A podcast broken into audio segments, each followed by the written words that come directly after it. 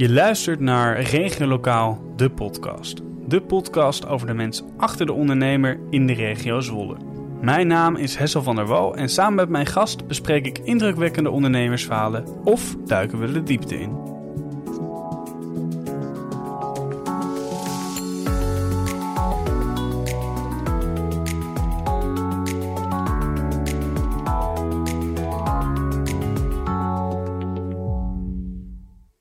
Ja, welkom bij alweer uh, de vierde aflevering van uh, Regio Lokaal, uh, de podcast. ja, ik zit vandaag met Willemijn Jutner tegenover mij en we gaan het eigenlijk hebben over Keyminds, want daar zij HR-consultant en co-founder, zoals ik zojuist heb begrepen. En nou ja, allereerst gewoon hallo, goeiedag. Dank je. Wat leuk dat je wil aanschrijven. Ja. Hoe gaat het met je? Goed, ah. ja. Ja, dat wist ik stiekem eigenlijk al, want we hadden elkaar al gesproken. Beetje druk, maar... Ja, beetje druk. Maar als het goed is, hierna wat rustiger. Ja, klopt. Dan ga ik lekker op vakantie. Ja, kijk, uitstekend. Uh, ja, uh, welkom nogmaals. Uh, leuk dat je te gast wil zijn en nou, wat van je kennis en je, en je wil delen en um, nou, wat je zo wat doet. En allereerst, ja, Keyminds, wat is dat voor bedrijf? Keyminds is een HR-adviesbureau op het gebied van talentontwikkeling en strategisch organisatieadvies. En wij helpen organisaties met het talent op de juiste plek te zetten. En dat doen we middels ons mooie model, de Keyscan. Mm En de Keyscan is, uh, het is een soort assessment, maar het is eigenlijk iets meer dan een assessment. Want veel assessments uh, die maken gebruik van uh, vragenlijsten, maar wij voegen er eigenlijk nog een laag aan toe. waardoor we ook vragen aan mensen om keuzes te maken op basis van hun gevoel en hun associaties. Ehm, en daarmee weten we eigenlijk een diepere laag te bereiken.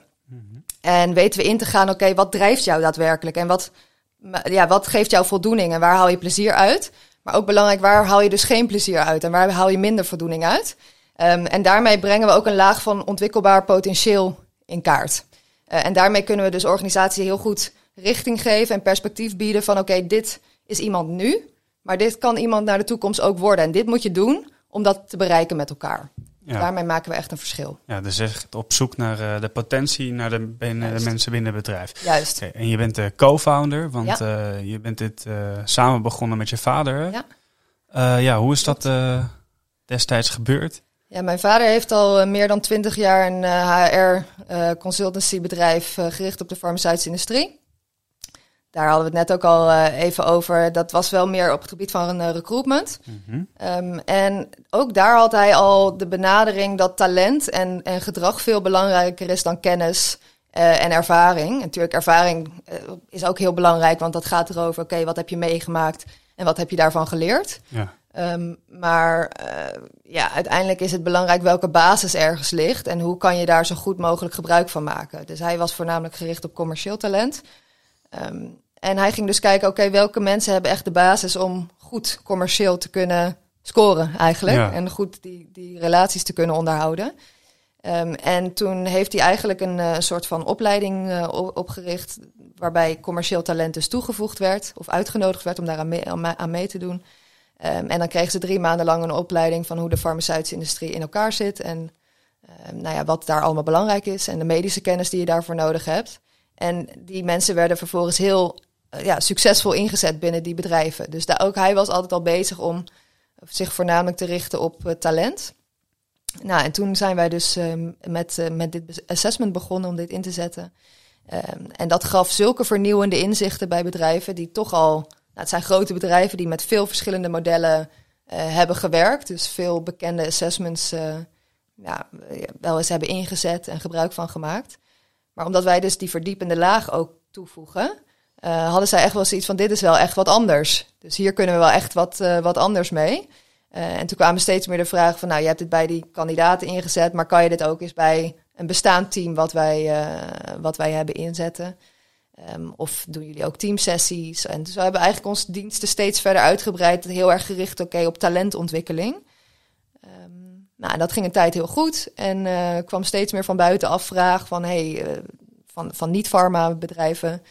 Um, en uh, toen zijn we op een gegeven moment tweeënhalf jaar geleden hebben we besloten om, uh, om zelfstandig verder te gaan, omdat er veel partijen van buiten de pharma toen uh, dat we daarvoor werkten. Ja. En toen is Keyminds eigenlijk geboren. Ja, ja. en nou, het gaat dus heel veel over ontwikkeling. Ja. op welke manier sta je zelf, zeg maar, in verband met dat thema? Hoe, hoe... Ja, goede vraag. Um, niet altijd even sterk verbonden met het thema, want dat kan niet altijd. Maar het is, het is zeker een heel, uh, heel belangrijk onderdeel in mijn leven. En ook de passie waar vandaan dit bedrijf ooit is voor mij, is dat ik me hier mee bezig heb willen houden. Ja, want die passie heb je eigenlijk van je vader soort van meegekregen, overgenomen? Ja, ik weet het niet. Ik denk dat het toch...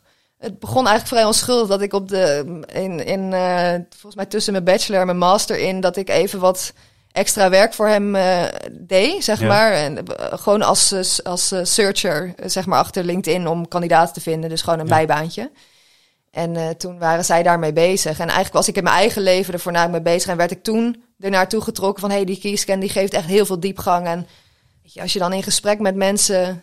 Nou, later toen ik ermee ging werken... en in gesprek met mensen zit... en dat je gewoon de feedback krijgt van... hé, hey, ik heb een x aantal jaren bij psycholoog gezeten... maar dit heeft mij meer zelfkennis gegeven. Of, mm -hmm. weet je, ik ben nu 50 en ik heb mijn hele carrière... bepaalde dingen over mezelf gedacht...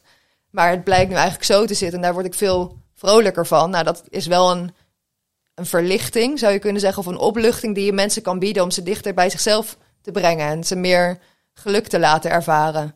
Ja. Dus het is niet zo dat het in mijn relatie met mijn vader altijd heel aanwezig was of zo, maar dat het meer bij elkaar kwam en dat we allebei daar een passie voor hebben. Ja. En toen is het eigenlijk zo organisch ontstaan. En dan moet je een beetje toevallig uh, achterkomen, dus ja, blijkbaar. Ja, ja, ja, terwijl er werd thuis zeker wel altijd over het werk gepraat, maar minder, ja, meer gewoon over de, de, zeg maar de organisatie en uh, ja, precies. dingen die er heel spelen. specifiek de materie uh, ja.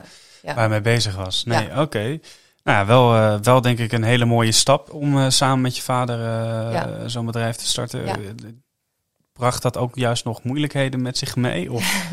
Zeker weten. Um, nou ja, je bent gewoon in het begin best wel zoekend naar hoe je daar een goede. Uh, ja, je moet een nieuwe relatie maken. Je moet een werkrelatie maken. Van een vader-kind relatie. En ook, ik was nog best wel jong toen we begonnen. Uh, nou, toen ik daar begon met werken was ik 22 of 23. Mm -hmm. En um, ja, je moet gewoon een manier gaan vinden. En daar ja, ook de tijd nemen om, om naar een gelijkwaardig niveau daarin te groeien. Want ja, in het begin ben ik ook degene met de minste ervaring. En moest ik ook alles van hem, uh, van hem leren eigenlijk. En nu merk je dat gewoon na, na, na 4,5, 5 jaar dat we met elkaar werken, dat dat, dat gewoon steeds meer in een soort van uh, samenspel gaat. En uh, dat hij mij ook wel eens om advies vraagt, dus dat scheelt. Ja. Ook wel een goed gevoel ja. of zo, denk ik. Hè? Ja, ja, dat het ook eens andersom is. Ja, klopt. Ja. En dat, uh, dat slaat denk ik ook wel heel erg op het uh, werk wat jullie doen. Als je gewoon de juiste kennis uh, uiteindelijk op een gegeven moment hebt en ervaring, dan kun je met jouw kwaliteiten um, ja, dat behalen. En je, dat doen jullie aan de hand van die keyscan. Hè? Kun je daar nog iets meer... Ja, want ik ging daar al even, even op in. Dat, nou ja, conventionele modellen maken heel vaak gebruik van vragenlijsten. Waarin bijvoorbeeld, ik weet niet of jij wel eens een assessment hebt gemaakt. Heb je het wel eens gedaan? Uh, ja, ik heb volgens mij ook op de middelbare school wel zo'n persoonlijkheidstest moeten ja. doen voor wat je dan uh, wilde worden. En okay, ja. volgens mij heb het HBO ook nog wel, uh, wel eens. En was je dan een kleurtje geworden? Of, Oh ja, de kleurtjes. Ja, ja rood, blauw en zo, dat soort dingen. Ja ja, ja, ik weet niet meer welke ik was. Nee. Nou, dat is, dat is dus een hele andere wijze dan wij, wij werken. Um, wij maken ook gebruik van taal, maar we zeggen wel, middels taal en vragen spreek je maar een bepaald deel van jouw bewustzijn aan. Want je zit vast wel eens in een situatie en dan voel je iets en dan, dan vraagt iemand van, nou, maar wat bedoel je nou precies? Of wat is er met je? Ja, ik, ik weet niet, ik kan niet onder woorden brengen. Nee, ja, dat uh, herken ik wel, ja. Ja, ja. Um, nou, dat laat dus eigenlijk zien dat wil je iets onder woorden kunnen brengen, dan moet je ook weten wat het is. Dus ja. wanneer we taal gebruiken, dan gaat het eigenlijk al over zelfbewustzijn. En dingen moeten al concreet voor je zijn geworden. Dus wij zeggen eigenlijk, als je dus met taal um, ja, iemand aanspreekt en, en vragen over jezelf stelt. Dus bijvoorbeeld geef aan hoe goed je kan samenwerken, 1 tot 5. Of ik vind het mhm. leuk om samen te werken, 1 tot 5. Dan ga jij dus over jezelf nadenken, wat jij daarvan vindt. Ja. Dus dan zeggen we, dan kan het ook nog wel eens de kans worden dat het vooral een zelfbeoordeling ja. wordt. En ook een beetje beïnvloeding. Exact. Als ja. je het in de selectiecontext hebt, dan kan het ook nog beïnvloed worden. Maar ook, ja, je vult het naar eer en geweten in. Maar wie zegt dat jij jezelf 100% kent? Ja, een buitenstaander kan misschien beter daarover oordelen. Nou, bijvoorbeeld. Of ja, weet je, in de, in de wetenschap is ook best wel duidelijk dat maar een, een heel klein percentage van, van, ons bewust, van ons zijn is bewust. Dus uh, nou, je denkt niet na over je hartslag. Je denkt niet na over je automatische schrikreacties. Je denkt dat ga ik dus nu automatisch wel ja. even doen. dan moet je ook niet te veel doen, want dan word je nee, gek. Nee. Ja. ja. En, en je lichaam doet dat ook om een reden. Omdat het zou veel te veel energie kosten om van al die dingen je bewust te zijn. Dus eh, je gaat eigenlijk vanaf dat je jong bent, ga je gewoontes ontwikkelen.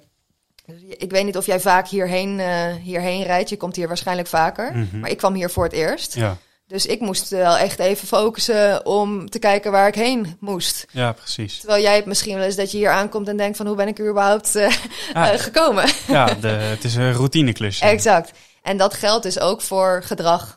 Dus vanaf jongs af aan bouw jij routines en patronen op uh, van gedrag wat op dat moment effectief voor je is.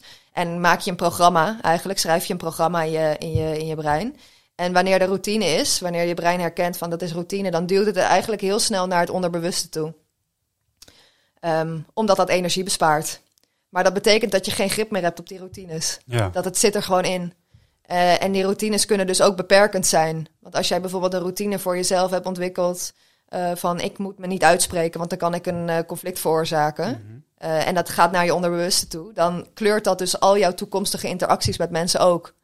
En daar proberen we mensen dus mee te helpen. Van oké, okay, we gaan kijken welke routines heb jij ontwikkeld. En ook voornamelijk waarom. Want die wortel die moet, je die, die, die moet je kennen om hem er ook uit te kunnen halen als het ware. En welke eigenlijke gedragingen passen er heel goed bij je? Wat ligt in je talent? En hoe zou je dat talent meer in kunnen zetten om dus ook vrijer te kunnen leven? Ja. En, en, en uh, wat past het meest bij jouw talent? Hoe kom je daarachter dan? Ja, nou dat doen we dus door middel van um, niet vragen te stellen, want dat is dus maar één deel van de, van de meting. Maar we gebruiken beelden die mensen moeten beoordelen. En dan vragen we eigenlijk niet zozeer wat zie je op die beelden, maar krijg je er een goed gevoel van of niet. Mm -hmm. Dat is heel belangrijk om te weten of, of iemand op uh, onderbewust niveau positief uh, zich voelt bij die thema's of negatief. En die reden die, die, die achterhalen we later wel in het gesprek. Maar het is voornamelijk belangrijk om te weten of, of, of je dus een, um, een blij gevoel bij dat thema krijgt of dat je een aversie hebt bij dat thema. Want dat zegt iets over je onbewuste reacties erop. En wat voor beelden krijg je dan uh, te zien? Ja, nou, inkt, inktvlekken. Ah, oké. Okay. Nee, grapje. Geen inktvlekken. het zijn beelden van, uh, van uh, ja, eigenlijk uh, poppetjes die een bepaalde houding hebben. Ja. En die zijn dus divers interpreteerbaar. Dus sommige mensen zien er iets heel negatiefs in en sommige mensen zien er iets heel positiefs in. Dus een, je, je kan het er niet echt mee vergelijken, maar je had vroeger toch wel van die, van die plaatjes dat ze vragen van zie je er een, een eend in of zie je er een konijn in, ja, weet ja. je? Nou, het is niet precies hetzelfde, maar het gaat wel om beelden die... Um, uh, ja, zijn, er, staan, er staan poppetjes op afgebeeld, wel abstract, dus niet echt mensen, maar poppetjes zoals je ze zou tekenen. En er staan bepaalde icoontjes. En dan zie je dat sommige mensen worden daar helemaal warm van en sommigen hebben daar echt gewoon aversie tegen. Ja. Uh, en die beelden zijn gevalideerd om vier tot vijf positieve uh, associaties op te roepen en vier tot vijf negatieve associaties. En samen staan die beelden dus voor een bepaald thema, een gedragsthema. Dus wat we eigenlijk doen, op onbewust niveau maak je bepaalde keuzes door middel van positieve gevoelens of negatieve gevoelens. En we vragen je eigenlijk een zelfbeeld uh, te laten zien door die competenties. We maken dan gebruik van 24 competenties. Die breng je terug naar 10 door over jezelf na te denken van past dit bij mij of niet. Uh, en die twee resultaten leggen we over elkaar heen. En dan zie je eigenlijk dat er altijd een discrepantie is tussen hoe we ons van, dat, van binnen daadwerkelijk voelen of, uh, en tussen wie we denken dat we zijn en het gedrag wat we hebben ontwikkeld. Oké. Okay. Ja. ja. En uh, dan zeg maar de vertaalslag naar jullie opdrachtgevers. Ja. Wat zijn de vragen die jullie vanuit hen krijgen? En hoe helpen jullie daar dan bij, natuurlijk? Um, nou, heel verschillend. Maar ik denk dat een van de belangrijkste vraagstukken op dit moment is... Um, hoe kijk ik op andere wijze naar nieuw talent dat ik aantrek? Dus veel meer met een toekomstgerichte bril. En ook veel meer met een um, ontwikkelings... Bril. Zeg maar, oké, okay, nu heeft iemand misschien niet dit, niet dit in zich. En dan komt iemand junior bijvoorbeeld binnen. Maar wat is bijvoorbeeld het perspectief uh, in, in, vijf jaar? Wat zou ik dan kunnen doen om ook iemand aan me te laten binden en iets interessants te bieden om zich verder te kunnen ontwikkelen? Mm-hmm. Uh, nou, betekent, dat, betekent dat dan dat je voor iemand die binnenkomt een soort carrièrepad gaat uitrollen? Of ja. moet ik dat zien? Nou, wij kleuren dat niet helemaal in, maar we, we kunnen dus wel zien vanuit de kiescan van is dit iemand die bijvoorbeeld heel sterk op de inhoud is? Of is dit iemand die heel erg ehm, een jonger persoon bijvoorbeeld die mooie leidinggevende talenten in aanleg heeft, maar die nog, nog niet ontwikkeld zijn. Nee, want die is daar nog te jong in. Die heeft nooit Exact, kans geen gehad. ervaring gehad, eh, nog niet bedreven in. Nee, En het zou ook een beetje gek zijn als iemand als op 22 bijvoorbeeld binnenkomt of 23 en gelijk een leidinggevende positie zou krijgen. Maar je hebt dan wel in het vizier dat je ook iemand op de lange termijn ehm, ja, van waarde kan laten zijn voor je bedrijf.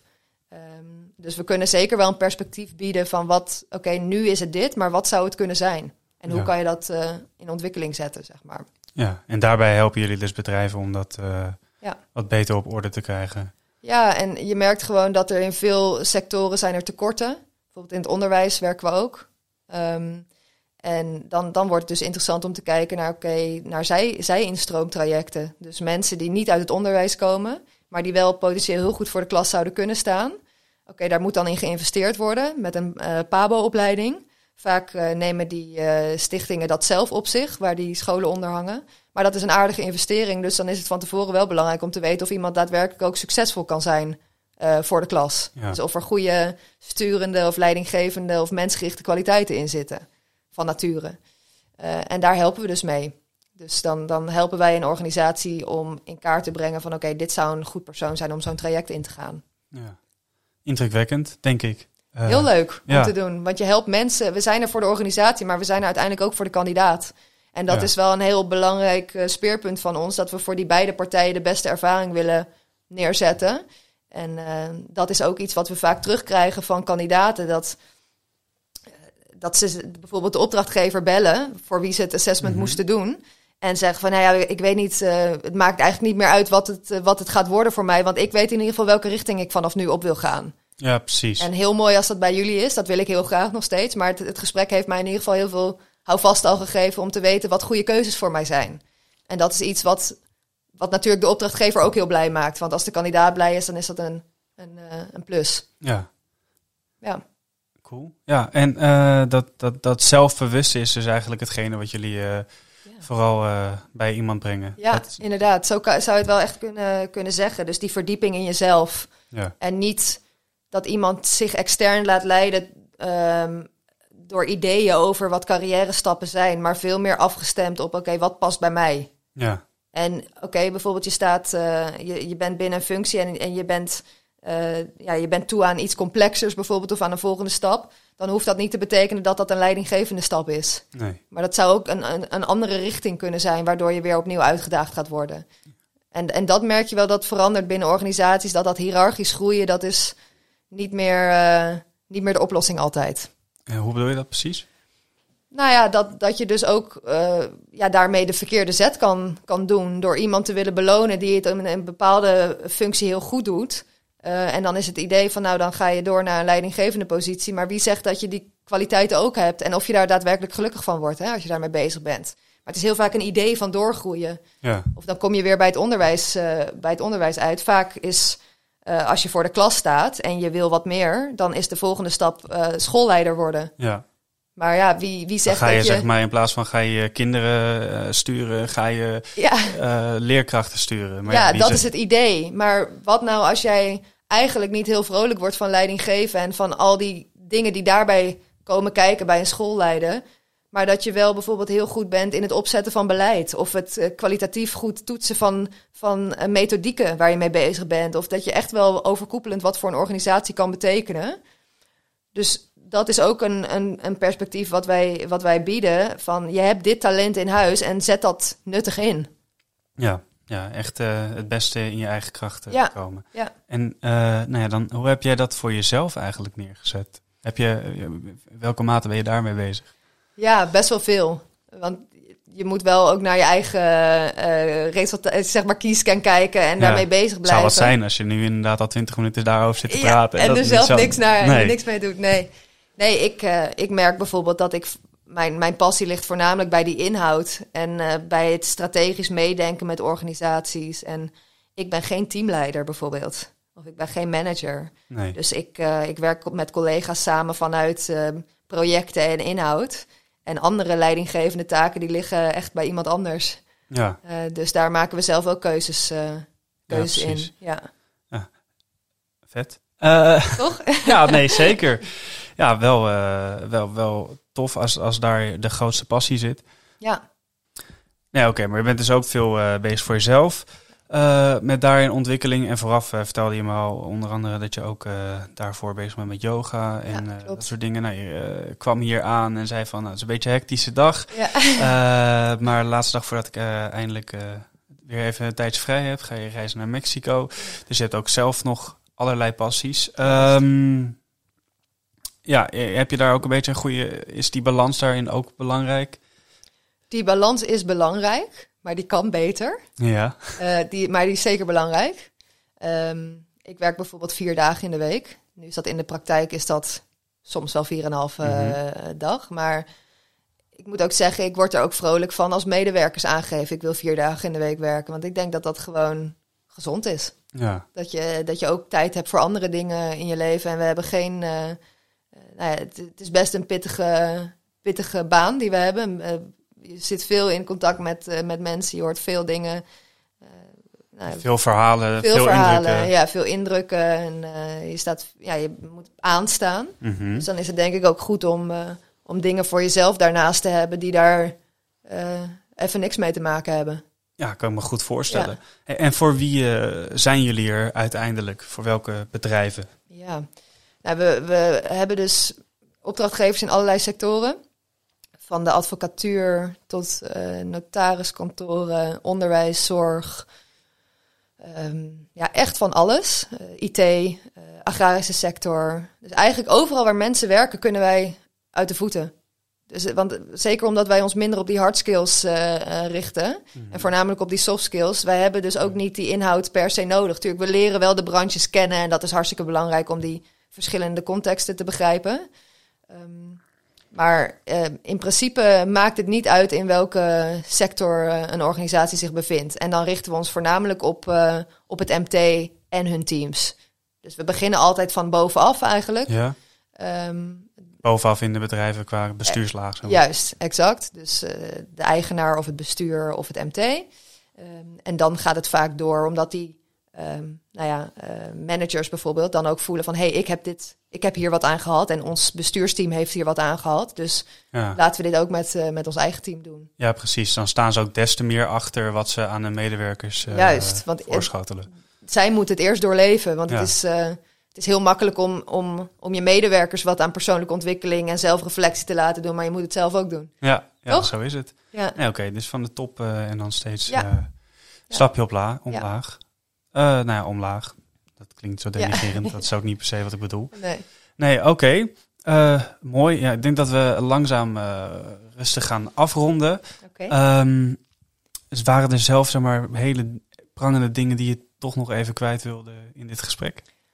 Ik zit even te denken, maar volgens mij hebben we best wel veel in korte tijd aan bod laten komen. Ja, en ik ben zelf verbaasd als ik kijk naar de tijd. We zijn al...